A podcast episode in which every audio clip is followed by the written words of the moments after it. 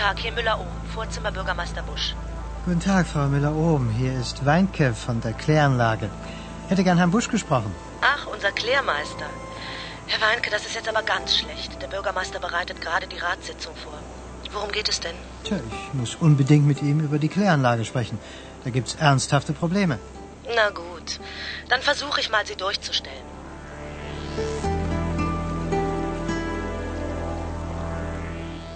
Ja, hallo, Herr Banke. Was gibt's denn so Dringendes? Tut mir leid, Herr Bürgermeister, dass ich störe, aber der Ernstfall ist jetzt eingetreten. Das hat sich ja schon länger abgezeichnet. Wir werden mit den Abwassermengen einfach nicht mehr fertig. Das Wasser wird nicht mehr richtig sauber. In den letzten Tagen haben wir immer wieder die gesetzlichen Grenzwerte überschritten. Und wenn das so weitergeht, kriegen wir richtig Ärger.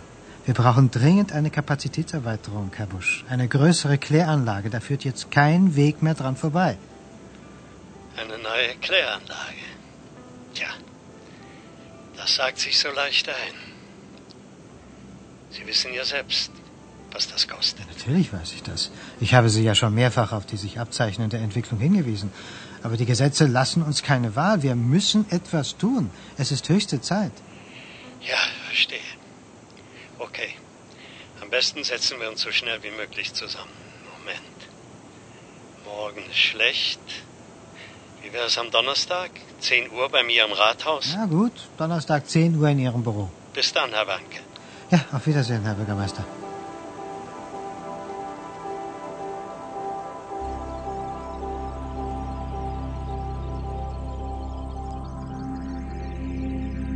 Gut zwei Drittel der Erde sind von Ozeanen bedeckt. Dazu kommen noch die Binnengewässer, die Bäche, Flüsse und Seen. Kurzum, es gibt Unmengen von Wasser auf der Erde.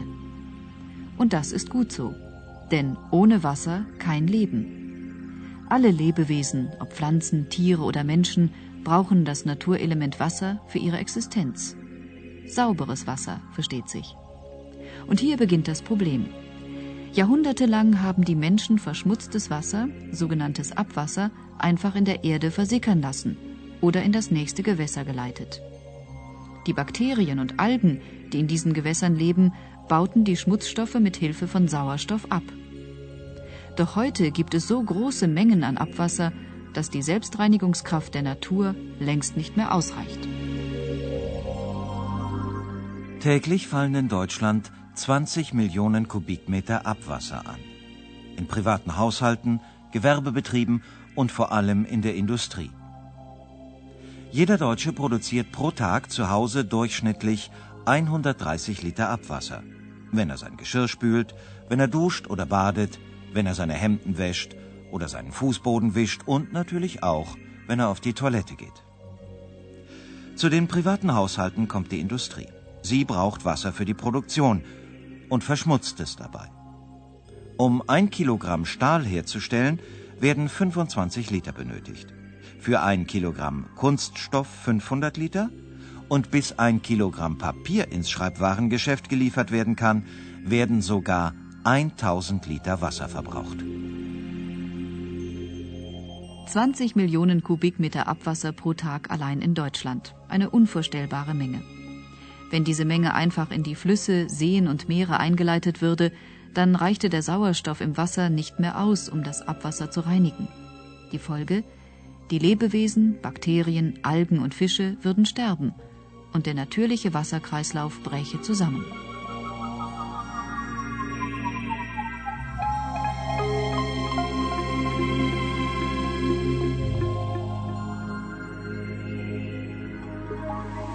Hier können nur noch Kläranlagen helfen.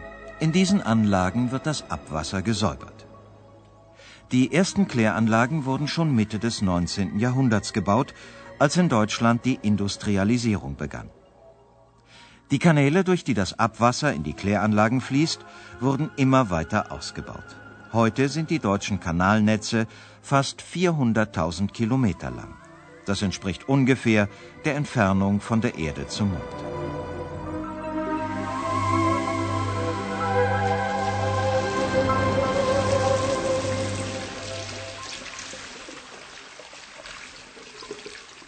Mehr als 10.000 Kläranlagen gibt es in Deutschland. Nicht alle werden öffentlich, also von Städten oder Gemeinden betrieben. Große Industrieunternehmen haben oft ihre eigenen Anlagen. Die meisten privaten Haushalte aber sind an die öffentliche Kanalisation angeschlossen.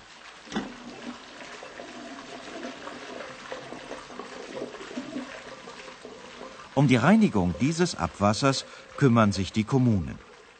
Viele Kommunen haben sich zusammengeschlossen, um in einer Gemeinschaftsanlage größere Mengen Abwasser wirkungsvoller und zudem preiswerter behandeln zu können.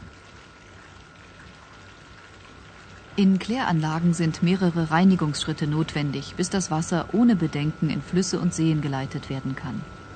Eine Kläranlage hat daher mehrere Becken. Das erste Becken dient der mechanischen Reinigung. Hier entfernen große Rechen alle festen Stoffe, seien es Toilettenpapier, Essensreste oder Zigarettenkippen. Sand, der sich am Beckenboden festsetzt, wird von einem riesigen Staubsauger herausgesaugt. Nicht so leicht einzufangen sind die Stoffe, die sich bereits im Wasser gelöst haben, wie zum Beispiel Öle und andere organische Verbindungen, etwa die Fäkalien von Mensch und Tier. Hier helfen nur Bakterien und andere Mikroorganismen. Im zweiten Becken der Kläranlage, dem Belebungsbecken, gibt es daher viele Millionen dieser Kleinstlebewesen, die den Schmutz fressen. Dafür brauchen sie viel Sauerstoff, der in das Becken eingeleitet wird. Das letzte Becken ist das Nachklärbecken. Hier wird das gereinigte Abwasser vom Schlamm getrennt und schließlich in die Gewässer geleitet.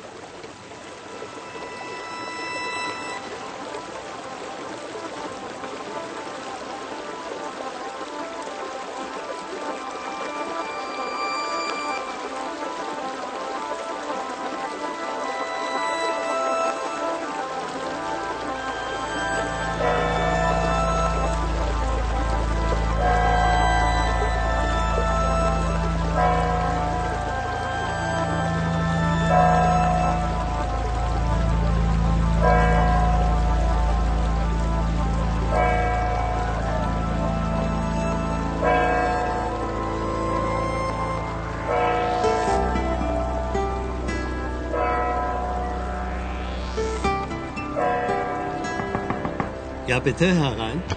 Ah, da kommt ja der Herr der Abwässer. Tag, Herr Weinke. Tag, Herr Bürgermeister. Kommen Sie. Setzen wir uns. Also, wenn ich Sie richtig verstanden habe, Herr Weinke, dann ist es höchste Eisenbahn, Sie kriegen die Abwässer nicht mehr hin. Das kann man wohl sagen. Mit der jetzigen Anlage packen wir es kaum noch. Und wir überschreiten immer häufiger die gesetzlichen Grenzwerte. Aber das wird noch schlimmer, Herr Busch. Im nächsten Jahr sind doch die Häuser im Neubaugebiet am Nordhang fertig.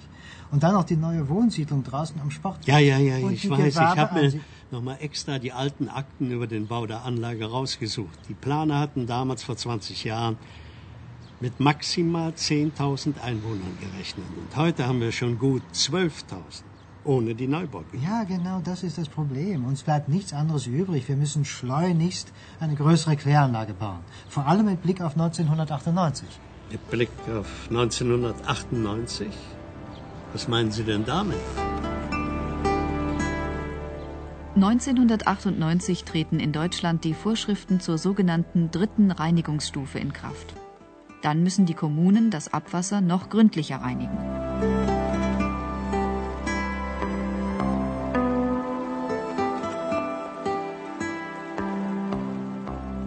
Wie es die Deutschen mit ihrem Wasser halten sollen, das ist im Wasserhaushaltsgesetz festgeschrieben, das 1960 verabschiedet wurde und für die gesamte Bundesrepublik gilt. Seitdem wurde es mehrfach überarbeitet und das heißt, die Vorschriften wurden immer strenger.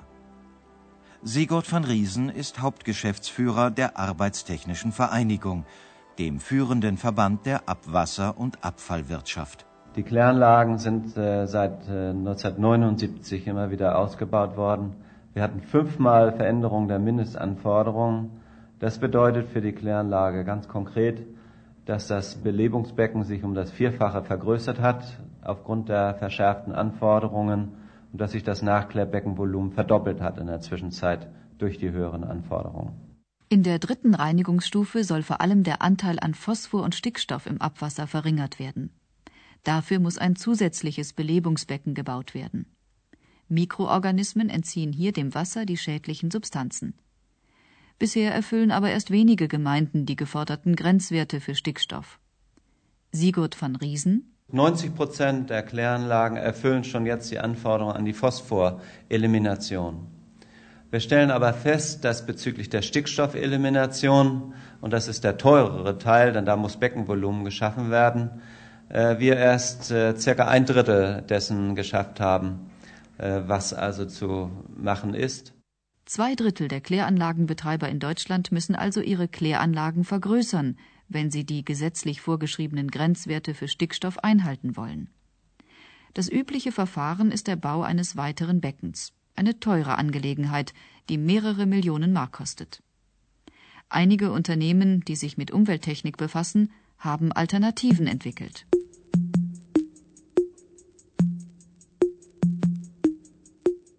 So zum Beispiel die Firma Messer Griesheim aus Krefeld.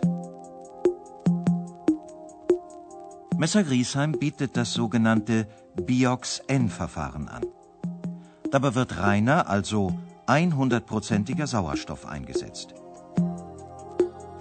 In unserer Atemluft beispielsweise liegt der Sauerstoffanteil nur bei etwa 20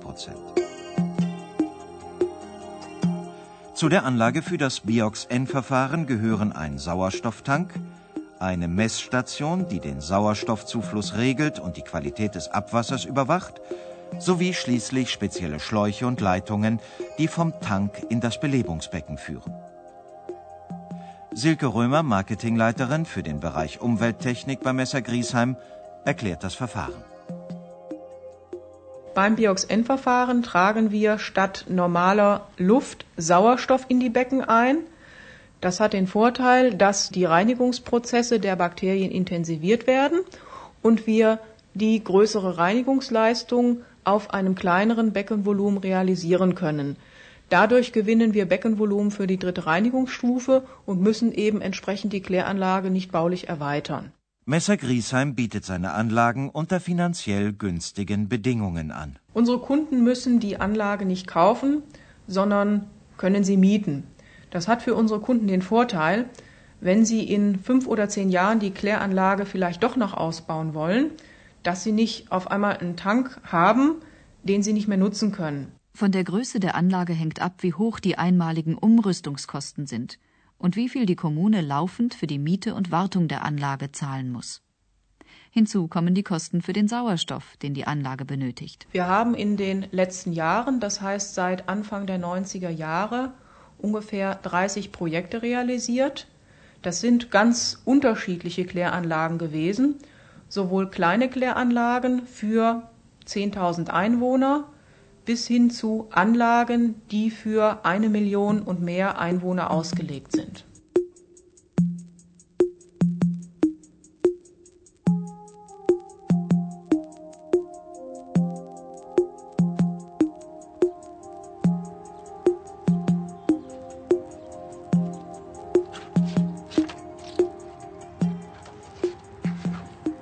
Also gut, Herr Mecke, soweit habe ich jetzt verstanden, wie das Biox-N-Verfahren Ihrer Firma funktioniert. Sie intensivieren den Reinigungsprozess durch reinen Sauerstoff. Mhm.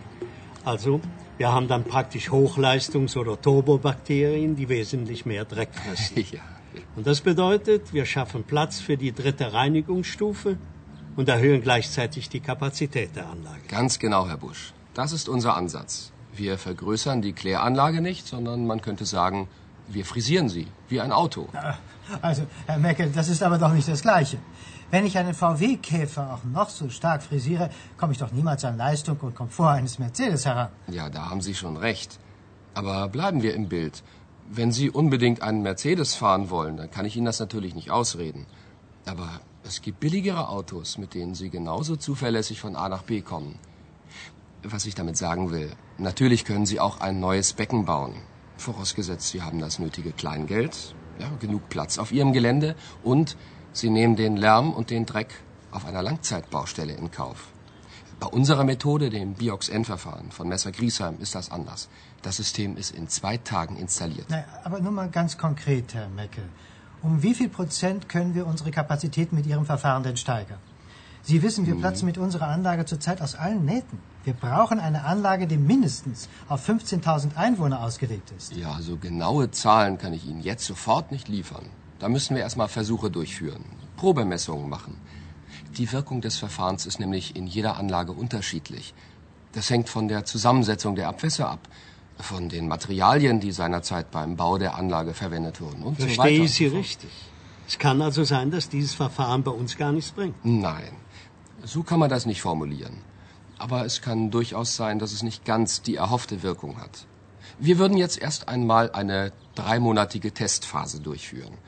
Wenn wir dann nicht die gewünschten Ergebnisse erreichen, dann können Sie ja immer noch Nein sagen. Was uns natürlich am meisten interessiert, sind die Kosten. Können Sie da schon was sagen? Ja, ich habe hier Zahlen von einem ähnlichen Projekt. Einen Moment. äh, Ah ja. Also hier habe ich ein etwas größeres Projekt. Die Anlage war auf 25.000 Einwohner ausgelegt. Die Umrüstkosten lagen bei 250.000 Mark. 250.000 Mark.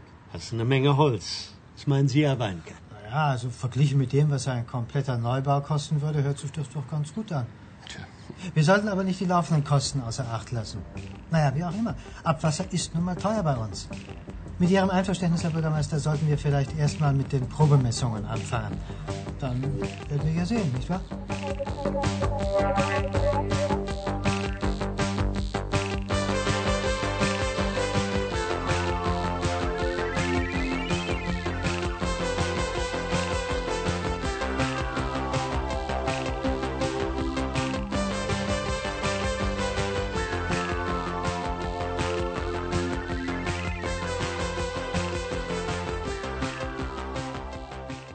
Umweltschutz will finanziert sein. Und die Finanzen sind das größte Problem für die Gemeinden in Deutschland. Aber auch wenn viele Stadtsäcke leer, viele Kommunen hoch verschuldet sind, beim Umweltschutz drückt der Gesetzgeber kein Auge zu. Als Druckmittel dient die Abwasserabgabe, die die Gemeinden an die Länderregierungen entrichten müssen. Die Höhe der Abgabe richtet sich danach, wie viele Schadstoffe eine Kommune in die Gewässer leitet. Je sauberer das Abwasser, umso geringer die Abgabe. Und umgekehrt. Die Kommunen wiederum bitten ihre Bürger zur Kasse. Sie müssen Abwassergebühren zahlen, deren Höhe die Kommunen jeweils festlegen. Es gilt, je mehr Haushalte an eine Kläranlage angeschlossen sind, desto niedriger sind die Gebühren. Daher kommen Großstadtbewohner mit rund 2,50 Mark pro Kubikmeter Wasser billiger weg als Menschen, die in kleinen Städten oder Dörfern wohnen. Sie müssen bis zu 9 Mark pro Kubikmeter zahlen. Im Durchschnitt überweist jeder Bundesbürger für sein Abwasser 220 Mark pro Jahr in die Gemeindekasse. In den nächsten Jahren kommen auf viele Kommunen große Investitionen zu. So müssen nach Expertenschätzungen allein auf dem Gebiet der ehemaligen DDR bis zum Jahr 2010 über 2000 Kläranlagen neu gebaut oder erweitert werden. Geschätzte Investitionssumme 33 Milliarden Mark. Dabei kommt es auf möglichst exakte Planungen an. Gerade bei Neubauten stellt sich die Frage, mit wie vielen Kubikmetern Abwasser ist in Zukunft zu rechnen? Wie viele Menschen werden in fünf oder zehn Jahren in der Gemeinde leben? Welche Industriebetriebe werden sich ansiedeln? Viele deutsche Gemeinden, vor allem in den neuen Bundesländern, haben wegen falscher Planung in den vergangenen Jahren Millionen von Mark in den Sand gesetzt. Sie hofften auf Gewerbeansiedlungen und schauten zu optimistisch in die Zukunft. Sigurd von Riesen vom Verband der Abwasser- und Abfallwirtschaft. Ja, es ist äh, in der Tat vorgekommen, dass die Kläranlagen als Bauwerk teilweise falsch geplant wurden, dann aber auch, dass die Erwartungen, die ein Bürgermeister hatte, was sich alles in seiner Gemeinde tun wird, dass diese Erwartungen nicht erfüllt wurden. Er hat also beispielsweise gemeint, da würde eben ein äh, Milchverarbeitungsbetrieb, der also die Kläranlagengröße in die Höhe treibt, er hat damit gerechnet, dass dieser Betrieb kommen würde und er kam dann eben nicht. Dann gibt es auch die pauschale Berechnung, dass man eben für ein Gewerbegebiet pro Hektar so und so viel Abwassermenge rechnet. Und wenn dieses alles nicht kommt, dann kann die Kläranlage natürlich äh, überdimensioniert sein.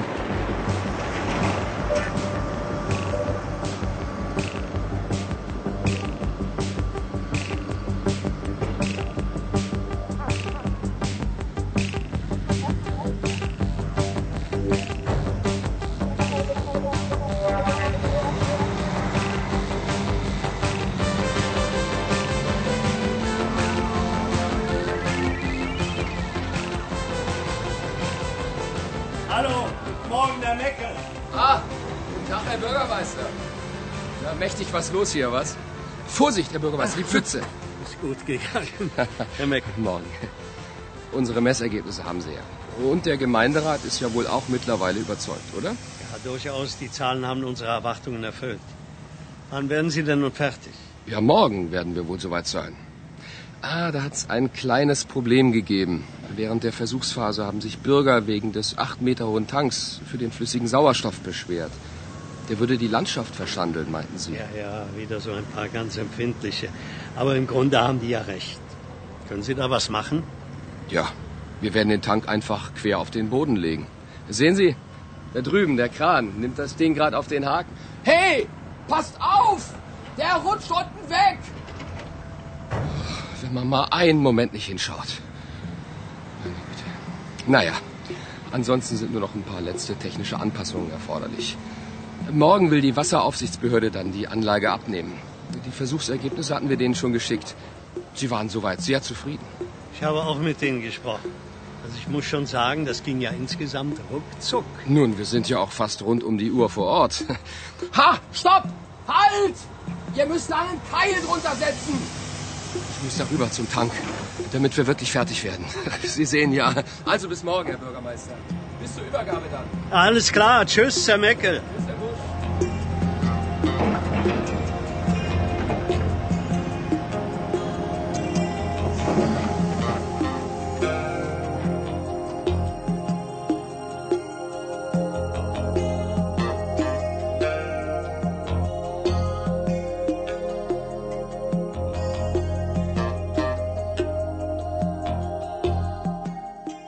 Es hat sich tatsächlich viel getan in Deutschland in den letzten 25 Jahren. Trotz steigender Abwassermengen sorgen immer mehr und bessere Kläranlagen dafür, dass immer weniger Schadstoffe die Flüsse belasten. Dadurch wird der Anteil des lebenswichtigen Sauerstoffs in den Gewässern immer höher. 1970 lag das Sauerstoffdefizit im Rhein bei 47 Prozent. 1990 nur noch bei 10 Prozent.